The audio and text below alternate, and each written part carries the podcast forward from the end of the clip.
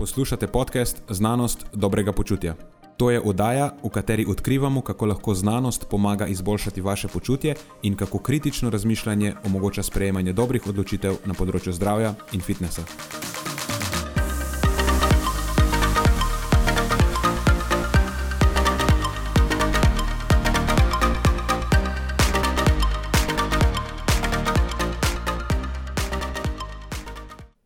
Pozdravljeni, z vami smo Nenad in moj sovoditelj Matjaš.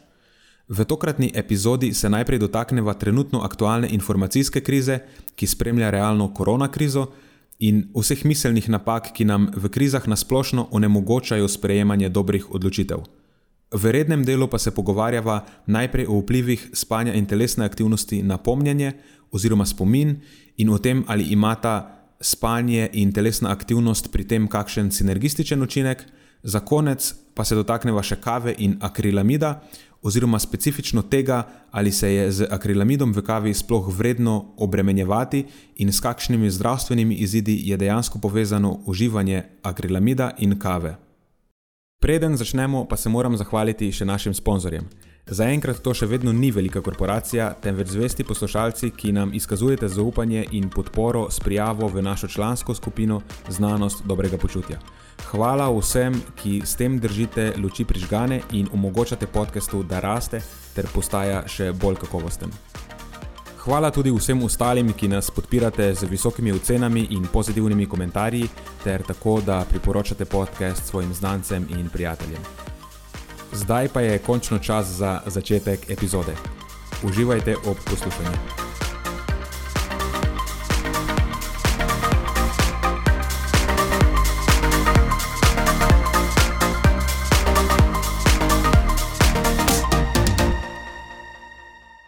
Recimo, da si trenutno situacija zasluži, da je toliko nenavadna, da si zasluži poseben uvod.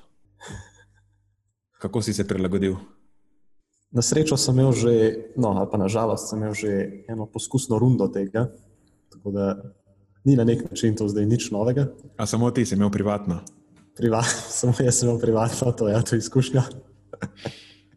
Ki je v začetku prejšnjega leta. Ne? Tako. Me zanima, kako se nekateri drugi niso bolje pripravili v tej točki. E, govorim predvsem, imamo v mislih te respiratorje. Mislim, Halo, Mislim, jaz, jaz nimam generalno, misliš, ne? Mislim, generalno. Evo, to se gleda, sploh nismo še, spet se začenja spremenjati, to, to je nek, nek političen podcast. Spet ja, me siliš v to smer, jaz ne vem, kaj je to, če to delaš namerno ali. Škaj, jaz vem, kje je gumbke pritisniti, da potem izvlečem te stvari ven iz tebe. Ja, res je nenavadno, da smo dejansko, če bi me pred pol leta nekdo vprašal, kaj se bo zgodilo, bi mu povedal točno to malo mi je nenavadno, da ne vem, niso tega pričakovali, kakorkoli čudno. Ja, sej, ja. Jaz se ne delam, da sem zdaj nek ekspert na to temo, ampak tako kot si rekel, um, vsaj pričakovali bi lahko neko tako situacijo, lahko bi zrihtali vsaj še kakšen respirator, malo povečali te kapacitete, omejene, ki jih imamo. Ne vem, kaj gre v vse v ozadje tega, tako da ne bom preveč pametoval, mogoče, oziroma zagotovo je to bolj kompleksen proces, kot kar uh, samo, da veš, naredi to, to. Ampak pol leta smo tam. Mislim, to ni malo časa. Ja. Lahko bi ga malo bolje izkoristili, kot smo ga. Ok, ja, niti pojstel niso prešteli realno. Mm, um, dobro, da ne bova preveč negative vnašala v to zadevo. Tako. Še več, oziroma noben je ne potrebuje. Dejansko nam sporočajo najni poslušalci. Dobil sem par sporočil prejšnji teden, da jim je dejansko všeč to izogibanje tega debelega slona v tej sobi, da ga pustiva klečati tam v kotu, pa se dejansko ukvarjamo z drugimi stvarmi, da raje poslušajo najo zjutraj ali zvečer na mesto poročil, kar je. Mm, Ok, odlično. Kar je eh, zanimiv občutek, moram reči. Ja. Tako da lahko samo rečemo, da bomo še naprej svetilnik razuma v tej trenutni nevihti blaznosti. Lahko se zanašate na to. A bomo to sprintali na majice? Všeč mi je ta slogan. Hm, vidiš, dobra ideja. Zadnjič sem se pogovarjal z nekom, če bi dali natisniti neke znanost dobrega počutja majice in da bi dali nek specifičen slogan. Gor. Tako da, vidiš, nisem spoh pomislil na to. Dajte nam sporočiti, če je to nekaj, kar bi vas zanimalo. Ja, ali pa če dejansko imate kak drug boljši slogan. Ja. Če jih imate, zgleda zelo zadovoljen s tem. Tudi meni je všeč, po pravici povedano. Postavili smo mejo dokaj visoko, tako da se bo treba potruditi. Uh, torej, da ne bi mi dva vnašala še več zmede v to trenutno situacijo, um, bova, sicer ne bova se nič na dolgo in široko o tem več pogovarjala. Edino eno stvar bi izpostavil, ki mogoče lahko dejansko pomaga um, vzeti malo zmede v stran.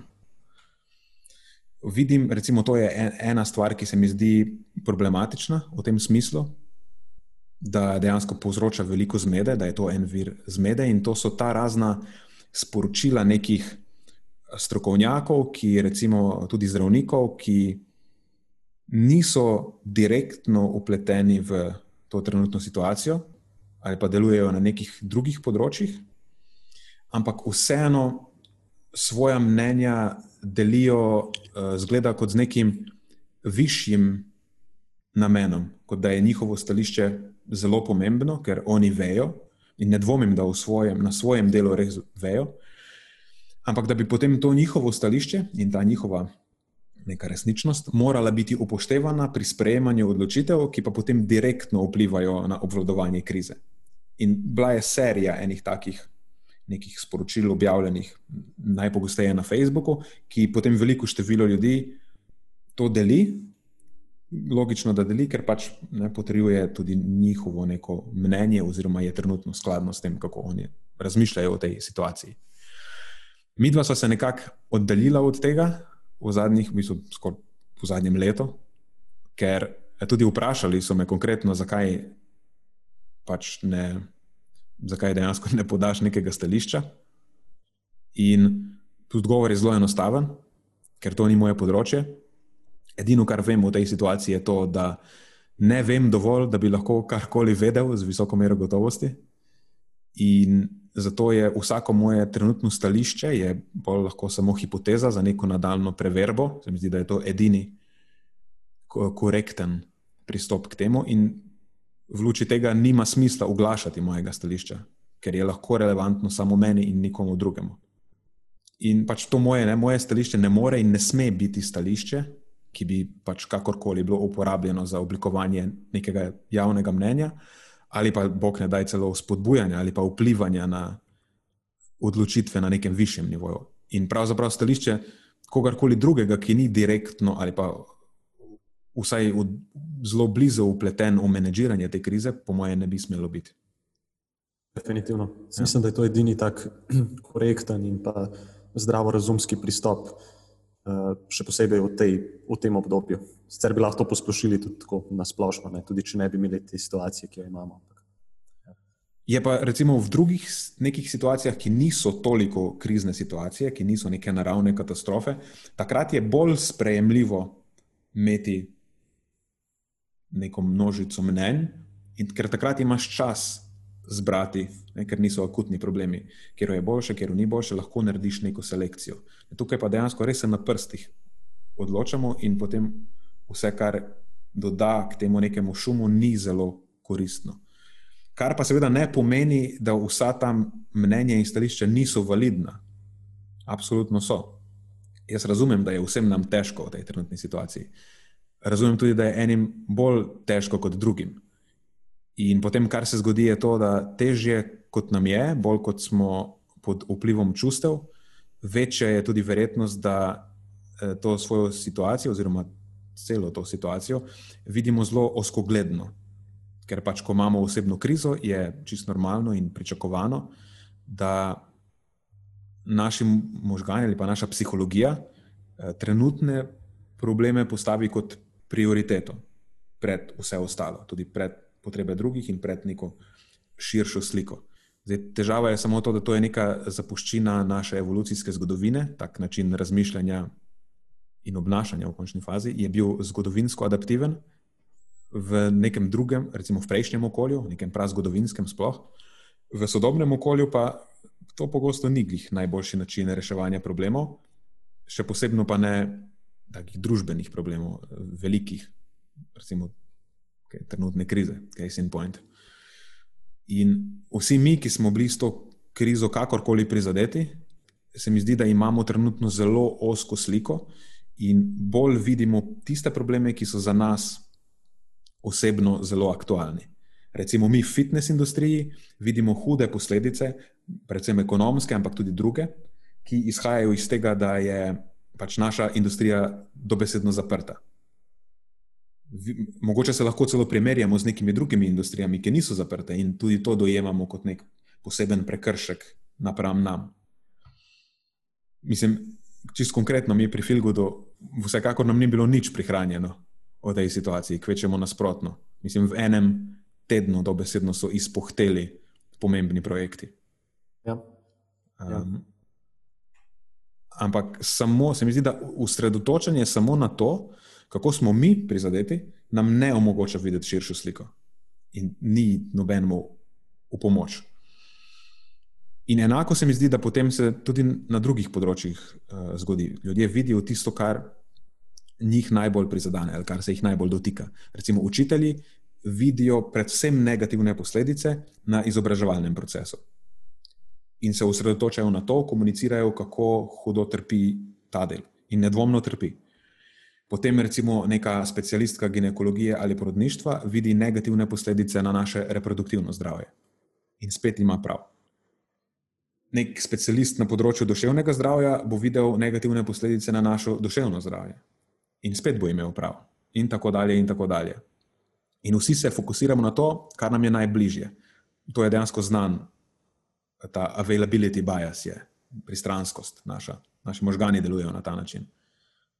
In še posebno, pač availability pomeni, da tisto, kar nam je najbolj blizu, kar je najbolj akutno za nas pomembno, tisto, tistemu dajemo pozornost. In zgodi se, da se potem še posebno oklepamo vsega, kar je blizu nas, ko svet okoli nas razpada, kar je spet logično. Normalno je. In vsak od nas ima dejansko prav. Negativne posledice so jasne vse posod. Vsak od nas jih vidi na svojem področju, bolj kot na drugih področjih. Je pa problem, ker človeška psihologija deluje na ta način, da mislimo, da so naše stvari bolj pomembne kot stvari ostalih ali pa problemi uh, ostalih. In potem ta zožen pogled na svet nam onemogoča videti veliko sliko ali pa eh, tisti še bolj, najbolj akuten problem, oziroma tisto, kar je dejansko krivo za to, da vsi mi čutimo neke eh, negativne posledice. Kaj je tisto, točno, kar vzrokuje eh, tem negativnim učinkom na vsa naša življenja. Se mi zdi, da če se bomo kar naenkrat nehali ukvarjati s tem, pa bomo rekli, ok, kul, cool, to je to je čisto, da ta virus vpliva na naše življenje, vsa, da imamo mi nehati zdaj se s tem obremenjevati. Realno mislim, da ne bodo naše težave kar čez noč izginile. To bi bilo izjemno neverjetno, se mi zdi to. In prej bi pričakoval, da se bodo samo še povečale. Kaj misliš? Uf. Veliko enih uh, globokih misli. Uh, ja, definitivno. Sem, lahko, lahko debatiramo o tem, ne, pa lahko razmišljamo o tem, ampak se veš, ko, je, ko se stvari tako dogajajo okrog tebe, pa težko vedno reagirati najbolj uh, racionalno in, in zdravo razumsko. Tako da ja, čisto razumem, zakaj imamo tako situacijo in zakaj tako ljudje reagirajo, zakaj jaz tako reagiram. Um, Zdaj, da bi bila ta stvar mogoče komu uporabna, kaj se je tukaj fajn zavedati, da si lahko olajšamo potem to neka, neko selekcioniranje ali pa ustvarjanje slike, ustvarjanje svoje resničnosti oziroma svojega modela resničnosti, ki bolj točno odseva ta pravo resničnost. Ker vsak od nas si nekako selekcionira podatke ali pa informacije, ki jim je izpostavljen, in si na podlagi tega ustvarja neko svojo predstavo resničnosti, in potem na podlagi te svoje predstave resničnosti se odloča, kako se bo obnašal v svetu. In seveda nastanejo težave, ko je ta predstava napačna, počneš neumnosti, načeloma. Um, in vsi mi smo zdaj nagnjeni v tej situaciji, da si želimo ustvariti neko predstavo, ki nam bo dajala vsaj nek ta zasilen občutek varnosti, kot da mi zdaj res vemo, kaj se dogaja, to nam daje nek, ne, počutimo se varni. In potem iz tega nekako iščemo mnenja drugih ljudi, ki se skladajo z našimi, oziroma potrjujejo naša mnenja. In idealno je, če so to neke avtoritete. Če vi, mi vidimo ne, na našem področju neko negativno stvar in potem neka druga avtoriteta pravi, da ja, to je tako negativno na tem področju, to ni težko deliti, ker potrjuje našo, naš model, ki pa ni nujno točen. Uh mhm. In vidimo to, vidimo dejansko v praksi, da ljudje dosledno delijo mnenja, ki se skladajo z njihovimi. Ne delijo pa ničesar, kar izpodbija ta mnenja. In to je en dober indikator, da je pač to osebo dobro odfollowati. Od Če si hočeš želiš eh, peace of mind, kako je po slovensko to? Miselnega miru. Tako. Duševnega miru. Um, dejansko se ti ljudje, ki res dosledno delijo, samo, ali pa so celo tako um, agresivni v tem, da sporočajo, da mislijo, da imajo prav, da se zelo aktivno potem izogibajo informacij, ki spodbijajo njihove, njihova mnenja. In tak način delovanja dejansko nam daje občutek varnosti, ampak pač kvari našo sliko o, o svetu, ker si ustvarjamo nek svoj mehurček, v narekovajih, ki nam prikazuje neko alternativno resničnost, ki, ki je nam všeč, pa se počutimo v njej varno. Dejansko pa nam ne omogoča videti, kaj se dogaja zunaj in v resnici, da bi se potem lahko mi dejansko zaščitno obnašali, kar je na dolgi rok boljše in za nas, in mislim, da kolektivno. In s tem tudi pridemo do ene zelo elegantne uh, ločnice med tem, kaj je znanstveno in kaj ni znanstveno, oziroma kaj je pseudoznanstveno. Kako recimo pre, prepoznati čist na Facebook feedu konkretno, ali je to nekaj, kar je znanstveno ali pa ni znanstveno. Um, lahko jih sortiramo potem po viru, kdo neko stvar prilepi in na kakšen način ta vir sortira ali pa presoja to, kar sporoča uh, svetu, oziroma na, kere, na kaj se opira. In poznamo dva principa. En je verifikacionizem in falsifiability. Ta verifikacionizem je recimo neka, neko potrjevanje lastnih mnenj. Uh, je tako, da imaš svoje mnenje, ki si, si ga prej ustvaril, pač na podlagi svojih nekih čustev, pa verovanj, ničesar dejansko konkretnega. In iščeš potem zunaj podatke, ki to potrjujejo. In dosledno deliš samo stvari, ki potrjujejo to svoje, svoje mnenje ali pa svoje mnenje, ki ni, ne bazira na ničem zelo trdnem. In se dejansko izogibaš, čeri pikaš, ne? aktivno se izogibaš dokazom, ki to mnenje izpodbijajo. No, po drugi strani imaš pa potem pravi znanstven pristop, ki je pa falsifiability, torej da, iš, da se poskušaš dokazati na robe, iščeš zmote v svojih mnenjih, domnevah, postavljaš neke hipoteze in potem iščeš podatke, ki te hipoteze izpodbijajo. In potem za vsako izpodbito hipotezo, vsakič, ko ugotoviš, da se motiš, napreduješ in korak po korak proti mnenju, ki potem vedno bolj odraža neko objektivno resničnost. In se mi zdi, da je to ena tako zelo enostavna domača naloga. Če vidiš nekoga, ki dosledno deli samo ene in iste stvari in se izogiba nekih drugih mnen, po drugi strani pa mogoče vidiš nekoga, ki se bolj ali manj sprašuje o nekih stvareh, pa ni, ni glih točno prepričan, ampak dejansko išče neke zmote v nekih virih informacij, ne poskuša najprej ugotoviti, kaj dejansko lahko zavrže, ne s čim lahko zgradi svojo resničnost iz nič, ampak samo ne, išče, ok, to vem, da ni res, to vem, da ni res, ok, tam je nekdo rekel neko neumnost, ok, to mnenje lahko zavržem, eh, tisto mnenje ni relevantno. Se mi zdi, da je to precej bolj zdrav pristop. In to je dejansko, in, in na nutshell, ne, na kratko povedano, to je znanstven pristop. Tako je, torej postavljanje vprašanj in potem aktivno iskanje proti dokazov zoper te neki delovni hipotezi. Uh mhm. -huh. Evo, ne vem, če bo komorkoli to uporabno se zdelo. Sem mislil, da nam boš dal domačo nalogo, Nenad, da poskušamo nekaj tasga najti na svojem feedu. Nekaj kakega. Nekaj, uh, nekaj pseudoznanstvenega, da, da, da sam, samega sebe malo uh, prečekiramo, po domač povedano. Ja, mislim, to je taka domača naloga, ki je res enostavna. Samo odpreš feed in po mojem, med prvimi petimi. Ta trenutek bo to zelo lahko. Ja. Zdaj treba izkoristiti to, ko, ko je na voljo veliko tazga materijala. Ja. Zelo hitro lahko narediš selekcijo, ker um, če si dosti kritičen, hitro, hitro prepoznaš neke logične zmote. In potem pač enkrat, ko prepoznaš dve, tri, pa vidiš, da je to vzorec, pa pač ne upoštevaš več te osebe, je nerelevanten vir.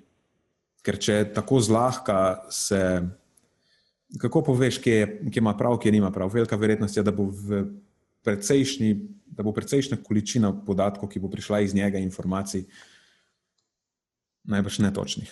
Uh mhm. -huh. In tako pač. Three, three strikes and you're out, kako rečejo. Ja, baseball. Ponavadi, ja, ponavadi ko zaznam vzorec, da pač treh neumnosti, po domače povedano, potem ga sam izklopim in mhm. se več ne ukvarjam z njim. Predvidevam, da imaš zdaj bistveno manj prijateljev na, na Facebooku. Pa bil sem selektiven že prej, kar se tega tiče, zdaj pa načeloma jih, ja, ali jih direktno odfrendam, ali pa jih dam samo unfollow. Ok, odlično. Zanimiv vod. Povej, kaj pa, kaj pa je bilo tisto, tista ena raziskava, o kateri si, si nam danes nameraval servirati? Aha, moja, v bistvu ti bom pustil do besede, da narediva spet sendvič, da ne bom ugrabil cele epizode. Moja to pomeni, da sem jaz bo... najboljši del tega sendviča. Veš, običajno je tisti ja, notranji del. Mislim. Tako je mišljeno. kruh, kruh načeloma, veš, vsi na stran dajo. Vem, s katerimi ljudmi se ti družiš. Ja, jaz sem samimi fit, veš, mogoče imam jaz malo pristransko okolje. Kakšni so to potem fit ljudje, ki kruha ne marajo? To so potem neki ortoreksiki čudni. Ja, točno to. Uh, ja, v bistvu moj izbor je čisto pod vplivom moje nove ljubezni, ki je toksikologija. Mm, tako da se bomo pogovarjali o kavi in o uh, akrilamidu.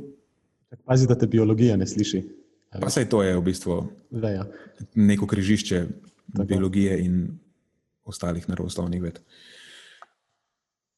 Kaj sem hotel reči? Aha, v bistvu ta debata o tem akrilamidu v kavi je bila pred kratkim zelo aktualna smo se v bistvu bolj za šalo, kot za res z Marijo pogovarjali, kje vrste kave imajo manj ali pa več akrilamida. Ko so ugotovila, da imajo te instant kave lahko bistveno više vsebnosti akrilamida. Akrilamid se že sliši slabo, tako da to zihar mora biti slabo. Je dejansko neka snov, ki ima genotoksičen in uh, karcinogen učinek, ko ga izoliramo in ga hranimo mišim, In je, se mi zdi, neka stvar, ki se je načeloma ljudje uh, v navednicah bojijo. Ampak več o tem kasneje, uh mhm. -huh. zdaj je na vrsti Matjaš. Več o tem po glasih. Okay. ne več o tem po glavnem delu. po po uh, glavnini sendviča. Dobro. Uh, super, mešano na žaro, tako kot vedno vidim, da bomo imeli. Jaz sem se pa ponovno želel vrniti na, na spanje in sicer tokrat uh, v kombinaciji z vadbo vplivom na spomin, torej vpliv spanja, vadbe ali pa kombinacija obeh na spomin. Uh, zakaj se mi zdela ta tako zanimiva tema? Uh, gre se za to, da tako spanje, kakor tudi vadba sta povezani z nekimi boljšimi uh, in kratkoročnim in pa dolgoročnim spominom. Ne, recimo, če pogledamo najprej vadbo kot tako, še kakšne krajše vadbene enote, dolge tam nekje med 10 in 40 minut, imajo lahko pozitiven vpliv na dolgoročni spomin morda v kontekstu spomina in kognicije izžamemo tukaj največ pozitivnih učinkov, če je vadba upravljena tik pred nekimi, da moramo reči, miselnimi nalogami, ne, s čimer potencialno pod narekovaji pripravimo ustrezne mehanizme, ki so potrebni za učenje in pa utrjevanje znanja.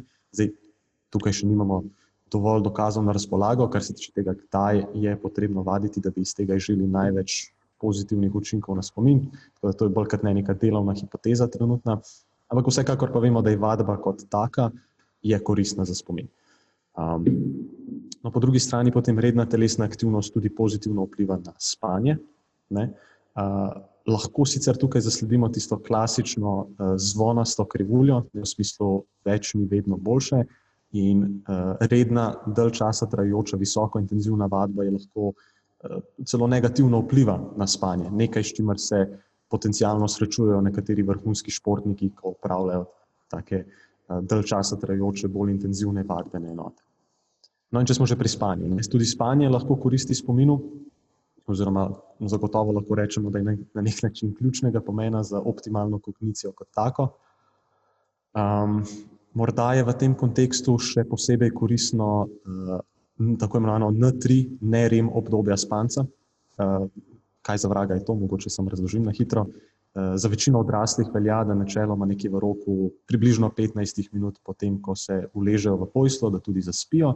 Ampak to še ni tisti pravi, pod narekovajih, pravi globoki spanec. Najprej je faza uh, rahlega spanca, znana kot ne rem spanje. Ne rem je ta oznaka za rapid eye movement, oziroma to obdobje nekih hitrih očesnih gibov.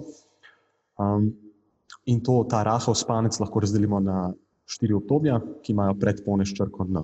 No, ena faza, to je tista, kjer posameznik je še tako buden, ampak postaja počasi zaspan. Potem je ena dva faza, ki bi že lahko rekli rahel spanec, kjer um, se preneha gibanje oči, mišični tonus pade, frekvenca možganskih valov prav tako pade, telesna temperatura in srčni utrip padeta in tako dalje.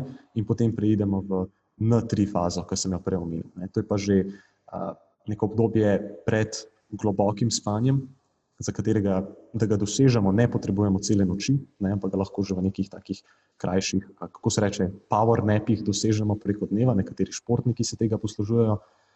In kasneje še tista N4 faza, kot najglobje spanje, ne, kjer je nas tudi najtežje zbuditi ven iz te faze. V tej fazi smo že popolnoma umirjeni, telesna temperatura in krvni tlak padeta še nižje, in potem nekako cirka 60 do 90 minut po tej fazi pa nastopi že rem spanec, ki potem seveda ne traja celo noč, ampak neko omejeno obdobje. No, skratka, ta N3 faza, če se vrnem na njo, to je tista, ki je povezana z, med drugim tudi z tako imenovanim deklarativnim spominom, neka vrsta dolgoročnega spomina, ki se navezuje na dejstva, dogodke, naučene veščine, pridobljena znanja, na najrazličnejše zgodbe iz naših preteklosti, na obraze, ki jih prepoznamo tako, nekako na našo biografijo, na splošno, če lahko rečem. No, in to je tisti del spomina, s katerim delamo zavestno, in prav tako tisti del spomina, ki je najpogosteje prizadet v primeru demence. Tako čist fun fact. Zdaj, zakaj govorim toliko o tej N3 fazi? Predvsem zato, ker so to neke prednosti, ki so jih poskušali simulirati v tej raziskavi, ki jo bom predstavil kmalo v nadaljevanju. Skratka, če potegnemo črto, Spanje ima pozitiven vpliv na spomin in telesna aktivnost ima prav tako pozitiven vpliv na spomin, skupaj s pozitivnimi vplivi na kvaliteto spanja. Zdaj, vprašanje pa je, ali spanje in vadba vplivata na spomin neodvisno drug od drugega ali pa sinergistično. No, ravno to, ugotoviti slednje, je bil namen raziskave Murgasa in sodelavca, ki je šla letošnje leto in to je ta raziskava, ki bi jo danes na hitro predstavil. Torej, Raziskovalci so operirali z vzorcem 115 mladih in sicer zdravih posameznikov, eh, ki so opravili enega izmed sledečih protokolov. Eh, najprej so bodi si 40 minut eh, vadili s srednjo intenzivnostjo, ali pa so bili na miru, torej so bili operirali brez nekega treninga. Temu je potem sledil proces učenja, kjer so vsem udeležencem predstavili 45 različnih takih sličic kateri so se udeleženci morali zapomniti, to so bila nekakšna navodila. In potem je sledilo bodi si 60 minut spanja ali pa neko obdobje brez počitka, torej ponovno neko sedenje za eno uro. In potem na koncu so vsi upravili še ta zadnji test, najpomembnejši test, kjer so raziskovalci v roku desetih minut na ekran na hitro projicirali teh 90 različnih slik, 45 slik odprej in pa še 45 čisto nekih novih sličic. In ti udeleženci so morali čim hitreje nekako reagirati in odgovarjati, ali jim je ta slika že bila predstavljena prej v fazi učenja ali pa ne. No in na ta način so raziskovalci dobili potem štiri skupine. Torej od kontrolne skupine, ki ni ne trenirala, ne spala, pa do skupine, ki je zgolj trenirala, ampak ni spala, do skupine, ki je in spala in trenirala, uh, in pa skupine, ki recimo, ki sem zgolj spala, pa ni trenirala. Ne. Upam, da je bilo to nekako dosti logično, pa nisem preveč zakompliciral stvari. Uh, če pa sem preveč zakompliciral, je pa to itek značilno za ta podcast, tako da mislim, da je vse v redu. No, no. Mislim, da ne kompliciramo načeloma. Lahko na kratko povem, da je v bistvu šlo za 2x2 zasnovo. Eni so pač spanje, ne spanje, vadba, ne vadba, in so samo razdelili v štiri skupine. Zelo, no, to je bilo mislim, bistveno bolj elegantno. Hvala ne, mislim, za povzetek. Ne, vse si povedal, tako vse je bilo logično. Poglejmo si raje te ključne ugotovitve same raziskave. Skratka, ključno je bilo to, ne, da je ta kombinirani pristop vadbe in spanja obrodil daleč največ sadov. Skratka, tista kombinirana skupina si je zapomnila daleč največ pravilnih uh, kartic.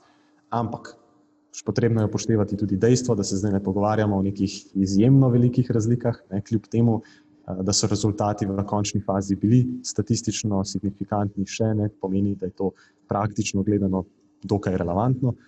Ampak vseeno, ne, recimo, nakazuje na nek tak trend tega, da vadba in spanje delujeta pozitivno in pa sinergistično na spomin. In to je nekaj, kar je recimo morda vredno vzeti v zakup, že za sicer zdravo populacijo, ne, da tako trening, kot tudi spanje na splošno ima ta pozitiven vpliv uh, na spomin. Uh, Poleg, seveda, vseh drugih pozitivnih učinkov, ki jih izžamemo iz obojega, ampak morda, morda je pa to še posebej pomembno za populacijo, ki je bolj dovzetna za nek kognitivni upad. Tako, čisto v razmislek. Nimam tle še nobenega pametnega odgovora. Um, Ampak ja, skratka. Nisem zihar za nekoga, ki je že dejansko dovzeten za nek kognitivni upad, kako bi v praksi dejansko to dal. Recimo, poslužil bi se enega tazga protokola, imel bi nekaj, imel bi nekaj, ali pa lahko bi kombiniral zadevo, tako sem tudi razmišljal. Sej v bistvu tudi vadba kot taka je lahko veš, kombinacija in treninga in nekih uh, miselnih uh, nalog, če se lahko izrazim. Imáš neke stvari, kjer vadiš in koordinacijo, pa moraš razmišljati, gib tu, gib tam. Ali pa, kot so recimo raziskovalci nekako napeljali proti temu, je to, da bi se potem um, recimo pred nekimi takimi miselnimi igrami, ne, oziroma miselnimi vajami, že po mojem reševanju kakšnega sudokuja in podobno, da bi se opravili neko krajšo vadbeno enoto v tem smislu. Zdaj spet, koliko je to praktično gledano relevantno, ne vem, bil bi tako precej presenečen, če bi bilo. Uh, je pa vsekakor zanimivo. V bistvu, sej, definitivno lahko rečemo, da je vadba povezana z počasnejšim kognitivnim upadom. Tako. Tako da v vsakem primeru, kada kakorkoli uspeš spraviti nekoga, ki uh, že trpi za nekim kognitivnim upadom, sploh če to niso neke blage oblike, potem je že zelo težko. To je v praksi ni, da mogoče ne bi bilo relevantno. Uh, v bistvu še eno stopničko prej, koliko je to sploh praktično potem izvedljivo. To je drugo vprašanje. To je, to je se mi zdi, bolj, bolj kritično vprašanje. Uh -huh. Te ljudi je, sploh ko imaš nekdo demenco, recimo, je težko potem prepričati, da so aktivni ob točno specifičnih urah. Ja, mislim, da za tako populacijo ta stvar to, totalno ja. pogori. Zato pa mislim, da je nekoga, ki je morda že a veš, gre proti temu, ni pa še čisto tam.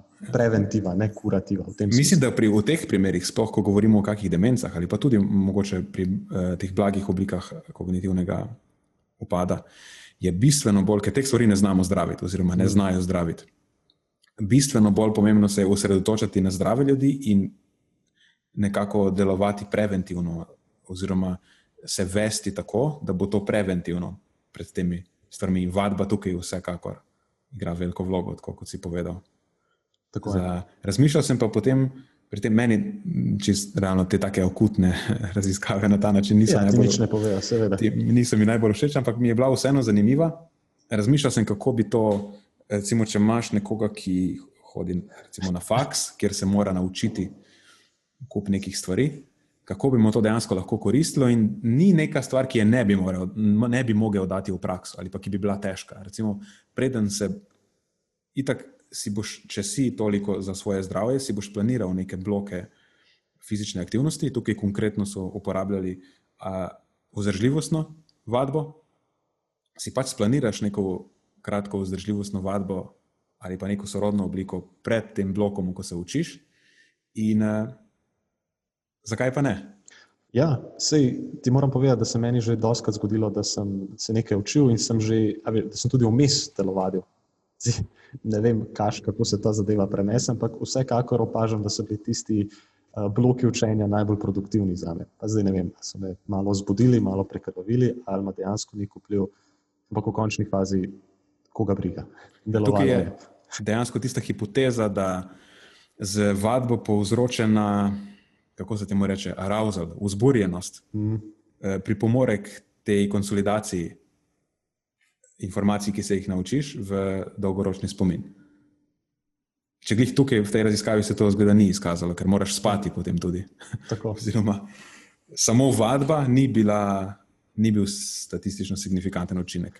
Ja, sem če potem pogledamo tisto praktično gledano, se mi zdi, da to ni neka bistvena sprememba. Ampak ja, se, ja. se strinjam.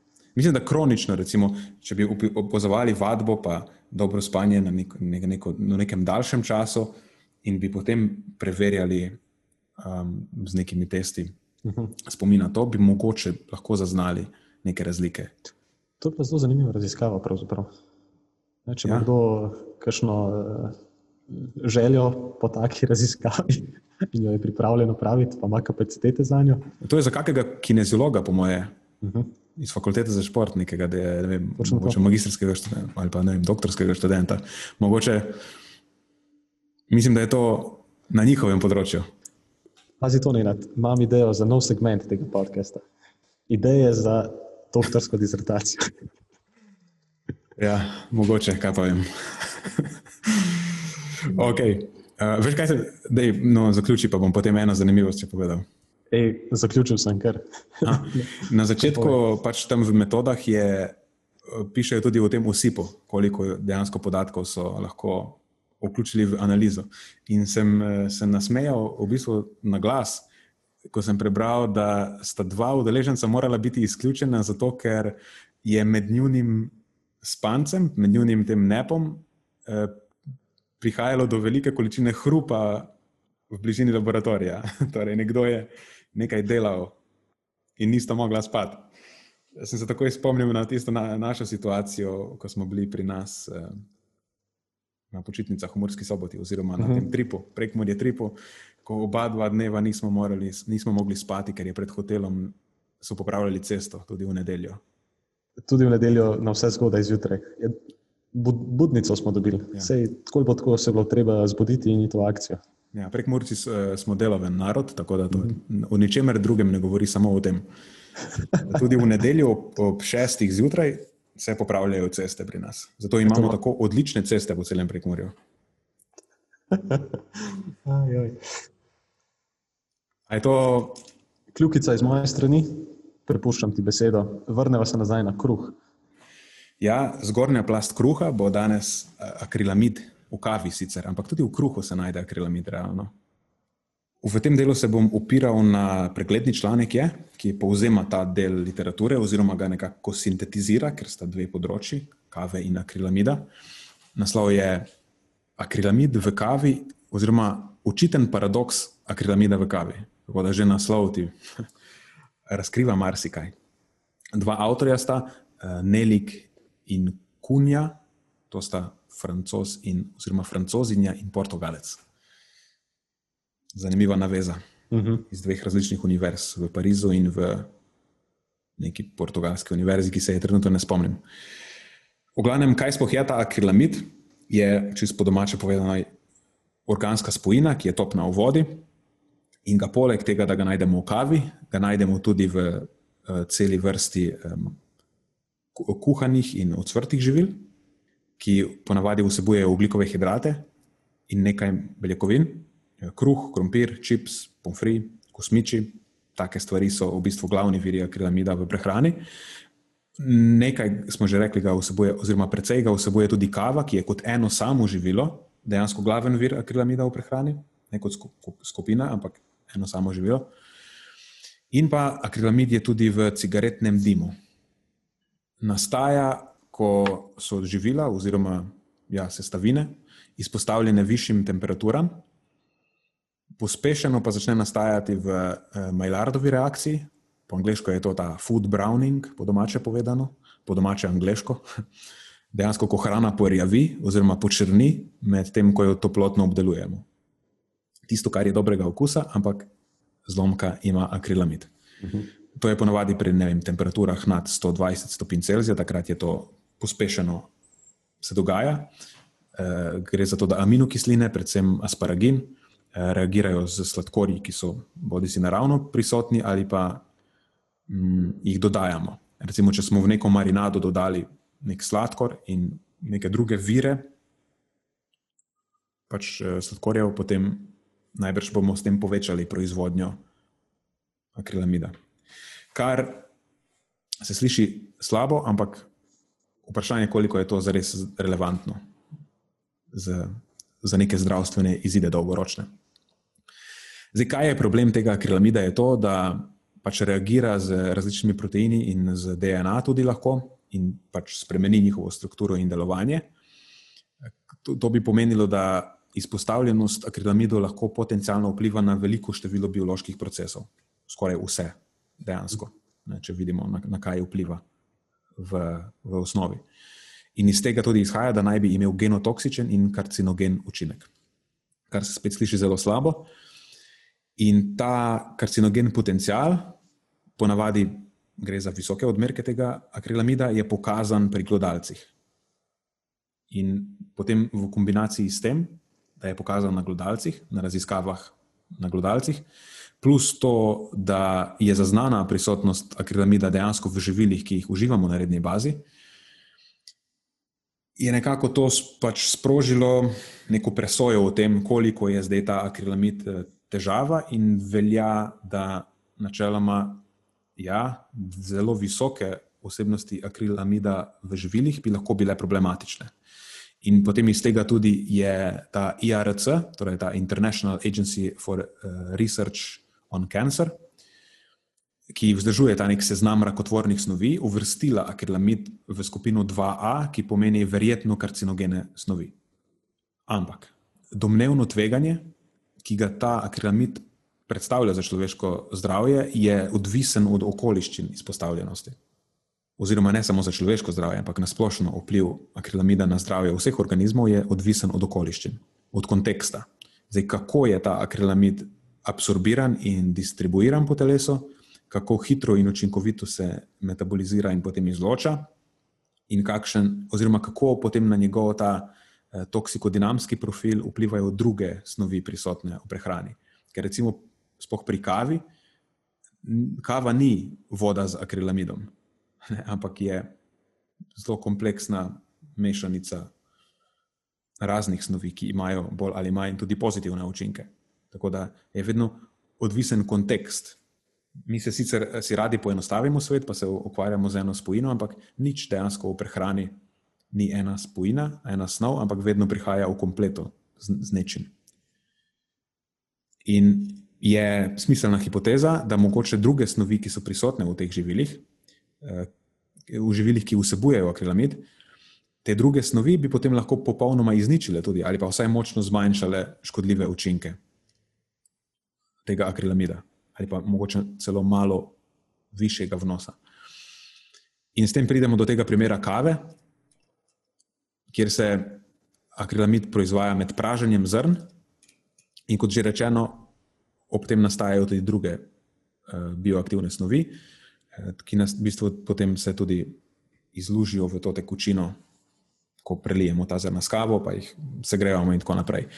Poleg kofeina so potem še druge snovi, ki so bolj ali pa manj koristne, kot že rečeno. Nekatere imajo tudi dokazano precej močne antioksidativne učinke, oziroma uspodbujajo delovanje telesolastnih, telesolastne obrambe in teh detoks mehanizmov, po domače. Kdaj so na, najprej, recimo, je ta akrilamid bil prepoznan kot nevarnost, recimo od tam izhaja ta strah pred, pred akrilamidom iz industrije. Pokazano je bilo, da velika izpostavljenost delavcev v tekstilni in papirni industriji lahko poviša tveganje za določene vrste raka. Ampak tam je šlo za to, da ti ljudje vdihavajo to v velikih količinah tam so te stvari v zraku v nepredstavljivih količinah za normalnega človeka, ki to stvar vnaša s hrano. Potem lahko je prisoten eh, poliakrilamid v različnih kozmetičnih produktih, razni losioni, deodoranti, šamponi, take stvari. Ampak to je v zelo majhnih količinah, ki skoraj sigurno ne predstavljajo tveganja. In potem pridemo do tega cigaretnega dima. V enem cigaretu je nekje 1 do 2 mikrograma bomo videli, kako se potem to primerja s hrano. In to je za cigareto nezanemrljiva količina. No, potem pri hrani nastaja akrilamid med procesom segrevanja in tudi predelave živil. In ko so preverili te osebnosti, koliko pa zdaj je tega akrilamida v živilih, so najbrž bili eh, malo šokirani in, so, in je potem to vzbudilo več zanimanja. Ker recimo na kilogram čipsa lahko vsebuje do skoraj tisoč mikrogramov, kar je, kdo bi moral pokaditi veliko cigaret.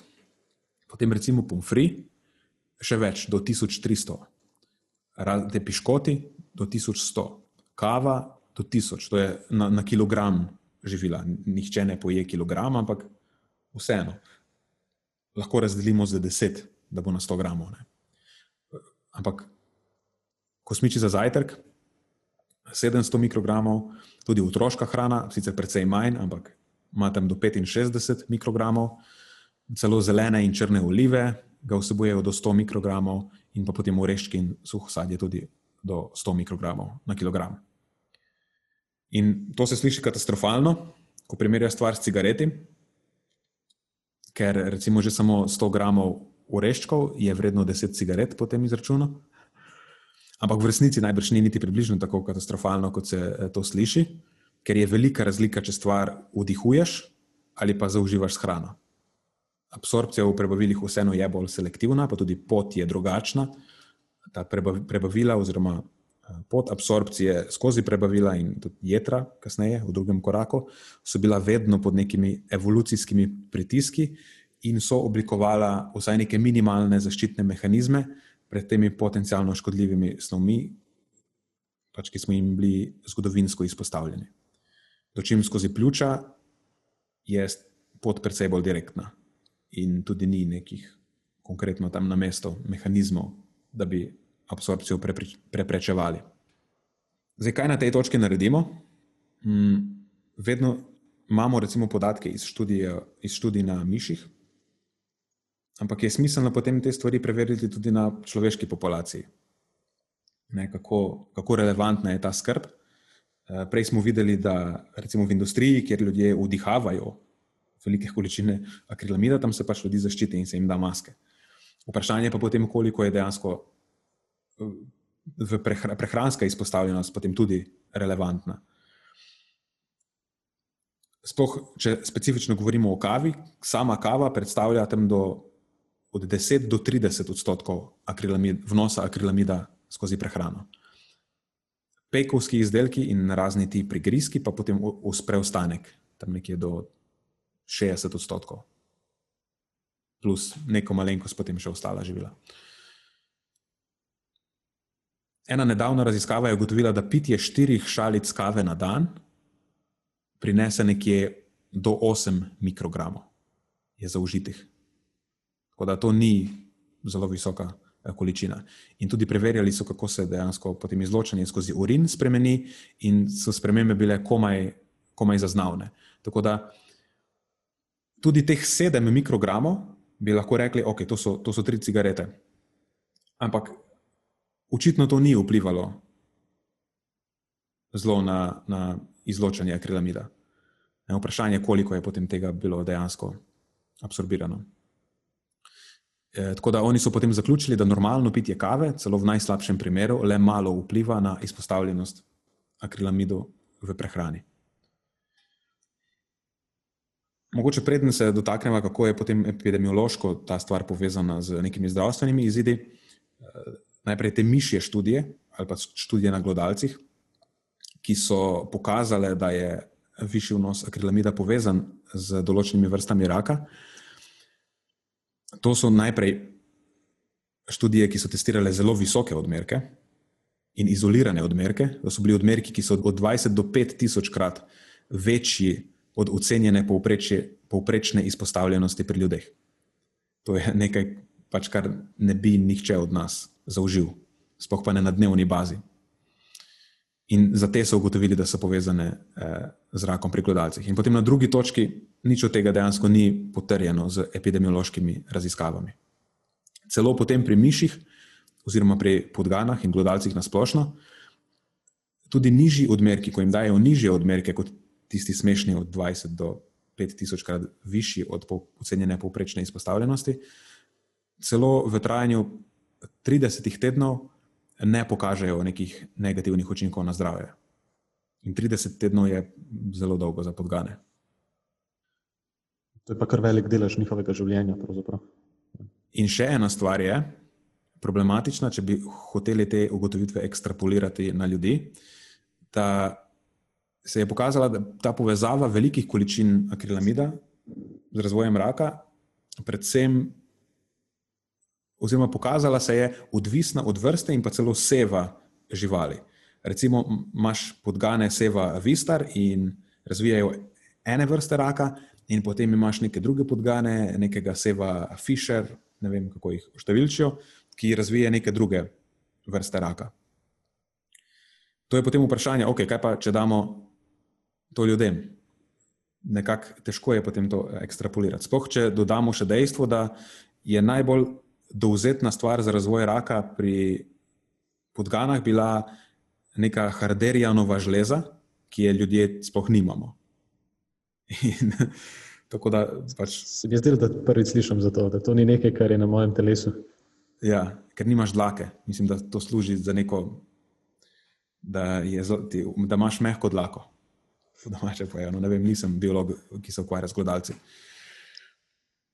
Um, ehm, tako da že tukaj na teh raziskavah na podganah, ok, lahko sicer oblikujemo neka priporočila, na podlagi tega ne bi si pa upal kaj dost sklepati ali pa ekstrapolirati um, na kontekst izpostavljenosti akrilamida v prehrani pri ljudeh. Da bi lahko o tem sklepali, potem pogledamo, kaj pa dejansko pravijo raziskave na ljudeh. In sistematični pregledi in metaanalize opazovalnih raziskav dejansko en za drugim ne poročajo o skoraj nobeni, praktično nobeni dosledni povezavi vnosa akrilamida in tveganji za razne vrste rakov. Tudi tistih, ki so recimo pri podganah po izpostavljenosti akrilamidu povečane. Recimo pri ljudeh akrilamid ni povezan z eh, rakom pljuč, dojke, jajčnikov, maternične sluznice, kože, tumori v možganih in z možganskim rakom, ni povezan z rakom na želodcu, rakom glave in vrtu, rakom požiralnika, rakom ščitnice, rakom prostate, ni povezan z tveganjem za limfom. Torej, to je kar en seznam. No? In uh, Torej, vnos tega akrilamida pri ljudeh ni tesneje povezan z nobenim rakom, ki se je pokazal za signifikantnega v raziskavah na gledalcih. Ampak to je akrilamid, ki prihaja v naše telo iz različnih virov. Kaj pa je konkretno s pitjem kave, je potem lahko naslednje vprašanje. Če bi nas recimo konkretno skrbel akrilamid v kavi. Ne zaradi tega karcinogenega potencijala ki je bil pokazan na podganah, se je potem zdelo pač smiselno tudi pretehtati, kako kava vpliva, pa akrilamid v kavi konkretno na naše zdravje. Ker se kava omenja, kot smo že prej rekli, kot glaven vir, če govorimo o posameznih živilih, akrilamida v prehrani, ne, od nekje do 30 odstotkov prehranskega vnosa. Ampak uživanje kave je dejansko v opazovalnih raziskavah precej pogosto povezano celo z zmanjšanim tveganjem. Predvsem tukaj lahko izpostavimo raka maternične sluznice in, in jeter. So pa še neke manjše povezave tudi za eh, rak jajčnikov, eh, rak dojke, ščitnice, melanom in pa razne rake na prebavilih. Dejansko v teh primerih kava kaže zaščitne učinke, oziroma vsaj nakazujejo v tej smeri. In po vsem tem je leta 2016 ta IRC po pregledu literature bil primoran kavo klasificirati v skupino 3. Torej, skupina 3 je, so, tam so živila oziroma snovi, ki se jih ne more klasificirati kot karcinogen. Torej, kljub temu, da je akrilamid izoliran sam, prepoznan kot eh, in dokazano karcinogen, kava je pokazana kot, da se je ne more klasificirati kot karcinogen.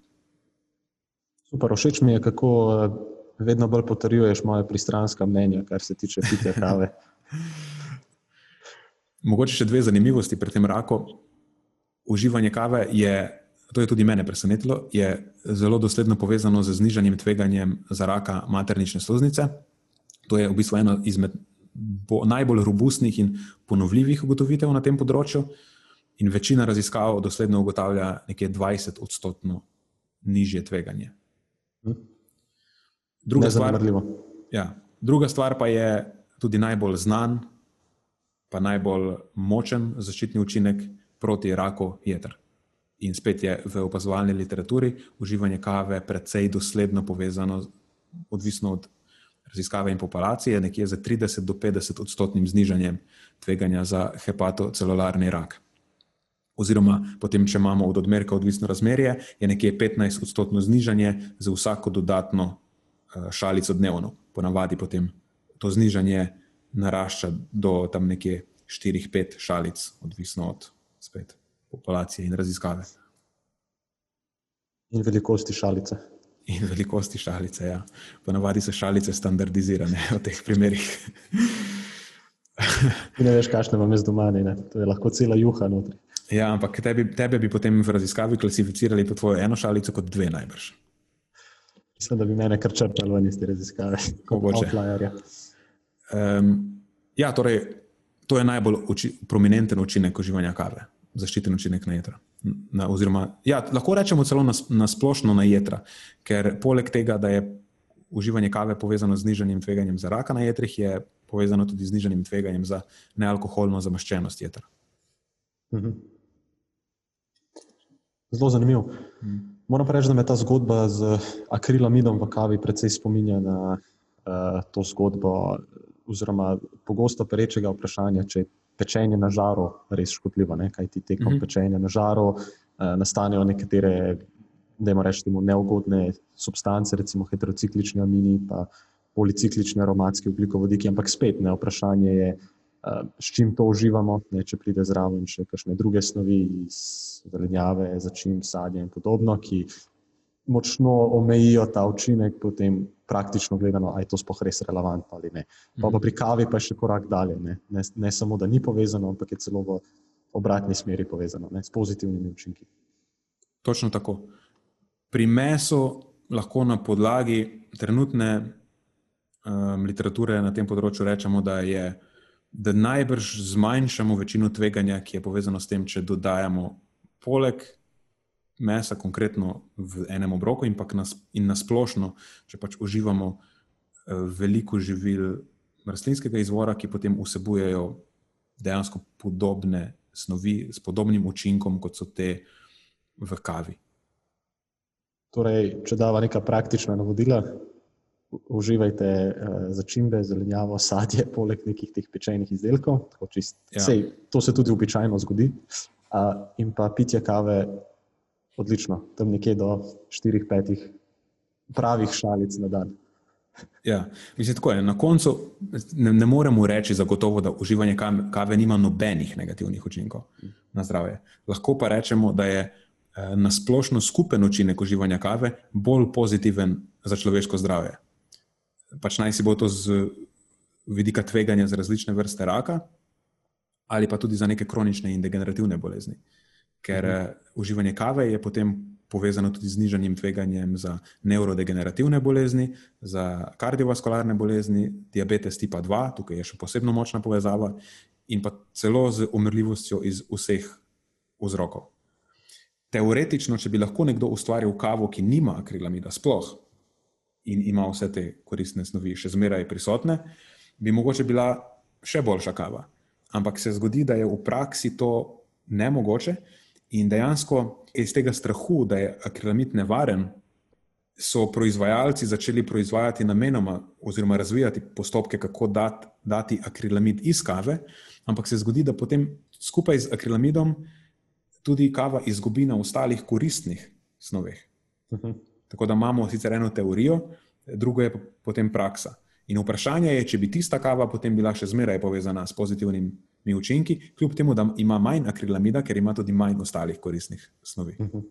In je vedno, pač te stvari se je potrebno potem presojati nekako celostno. Res nima smisla se ukvarjati samo z eno, z učinkom ene snovi, ki je bil pokazan z izolirano obliko te snovi in na nekih živalskih modelih, ki jih hranijo z ogromnimi količinami tega, ki dejansko normalno fiziološko s prehrano tega sploh ne moreš zaužiti v takšnih količinah. To je res.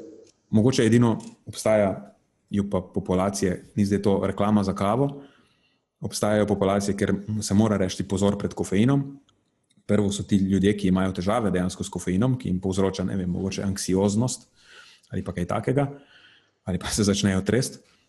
Še en velik pozor pa so nosečnice, oziroma eh, tudi ženske, ki dojijo. Pri nosečnicah je kofein sploh močno odsvetovan, ker je povezan z zapleti med nosečnostjo, celo s splavom, in pa tudi kasneje z neugodnimi izidi v otroštvu, konkretno eh, pri porodu za nizko porodno težo, kasneje pa z debelostjo v otroštvu. Tako da ni glih fajn, da vaše mleko vsebuje kofein, če dojite otroka. Načeloma to je precej neugodna stvar. Ja. Ja, pa še morda ena populacija, uh, morda ženske tekom menopauze, samo iz tega vidika, ker imajo že tako ali tako pogosteje težave z neko nespečnostjo in podobno. Kofein zagotovo eh, ne pripomore kaj bistveno pozitivnega pri tem, ampak to je neka individualna stvar. Ne, v bistvu zelo dobro si ujel to. Ja, pri ljudeh, ki imajo težave s spanjem, je lahko to tudi posledica uživanja kofeina, ne nujno v drugi polovici dneva, kar je v bistvu vsem odsvetovano, ki jih skrbi za njihovo spanje. Ker tudi če ne dejansko občutimo subjektivno neugodnih učinkov kofeina na spanje, obstaja verjetnost, da vseeno negativno vpliva na našo arhitekturo spanja. Dejansko je manj obnovitven spanec, najbrž.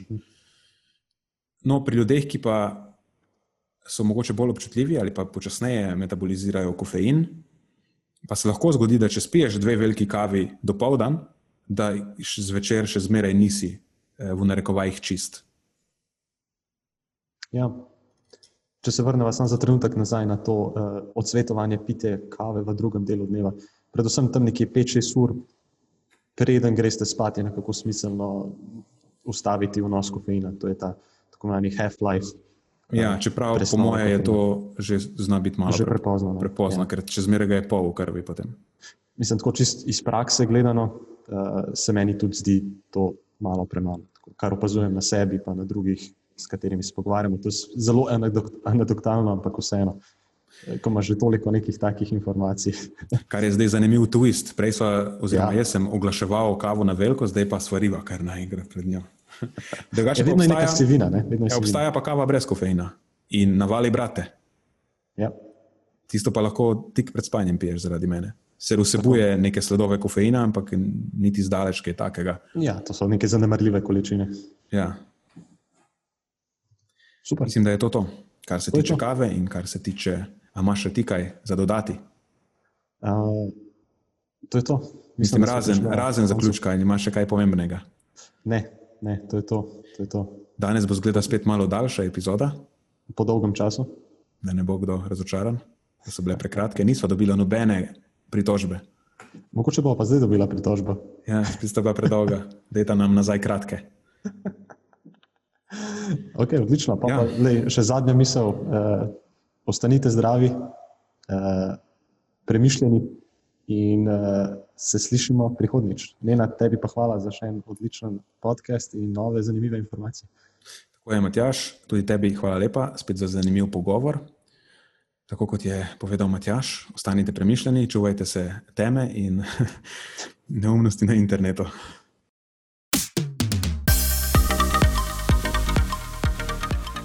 To je za tokrat vse iz naše strani. Hvala, ker ste poslušali do konca.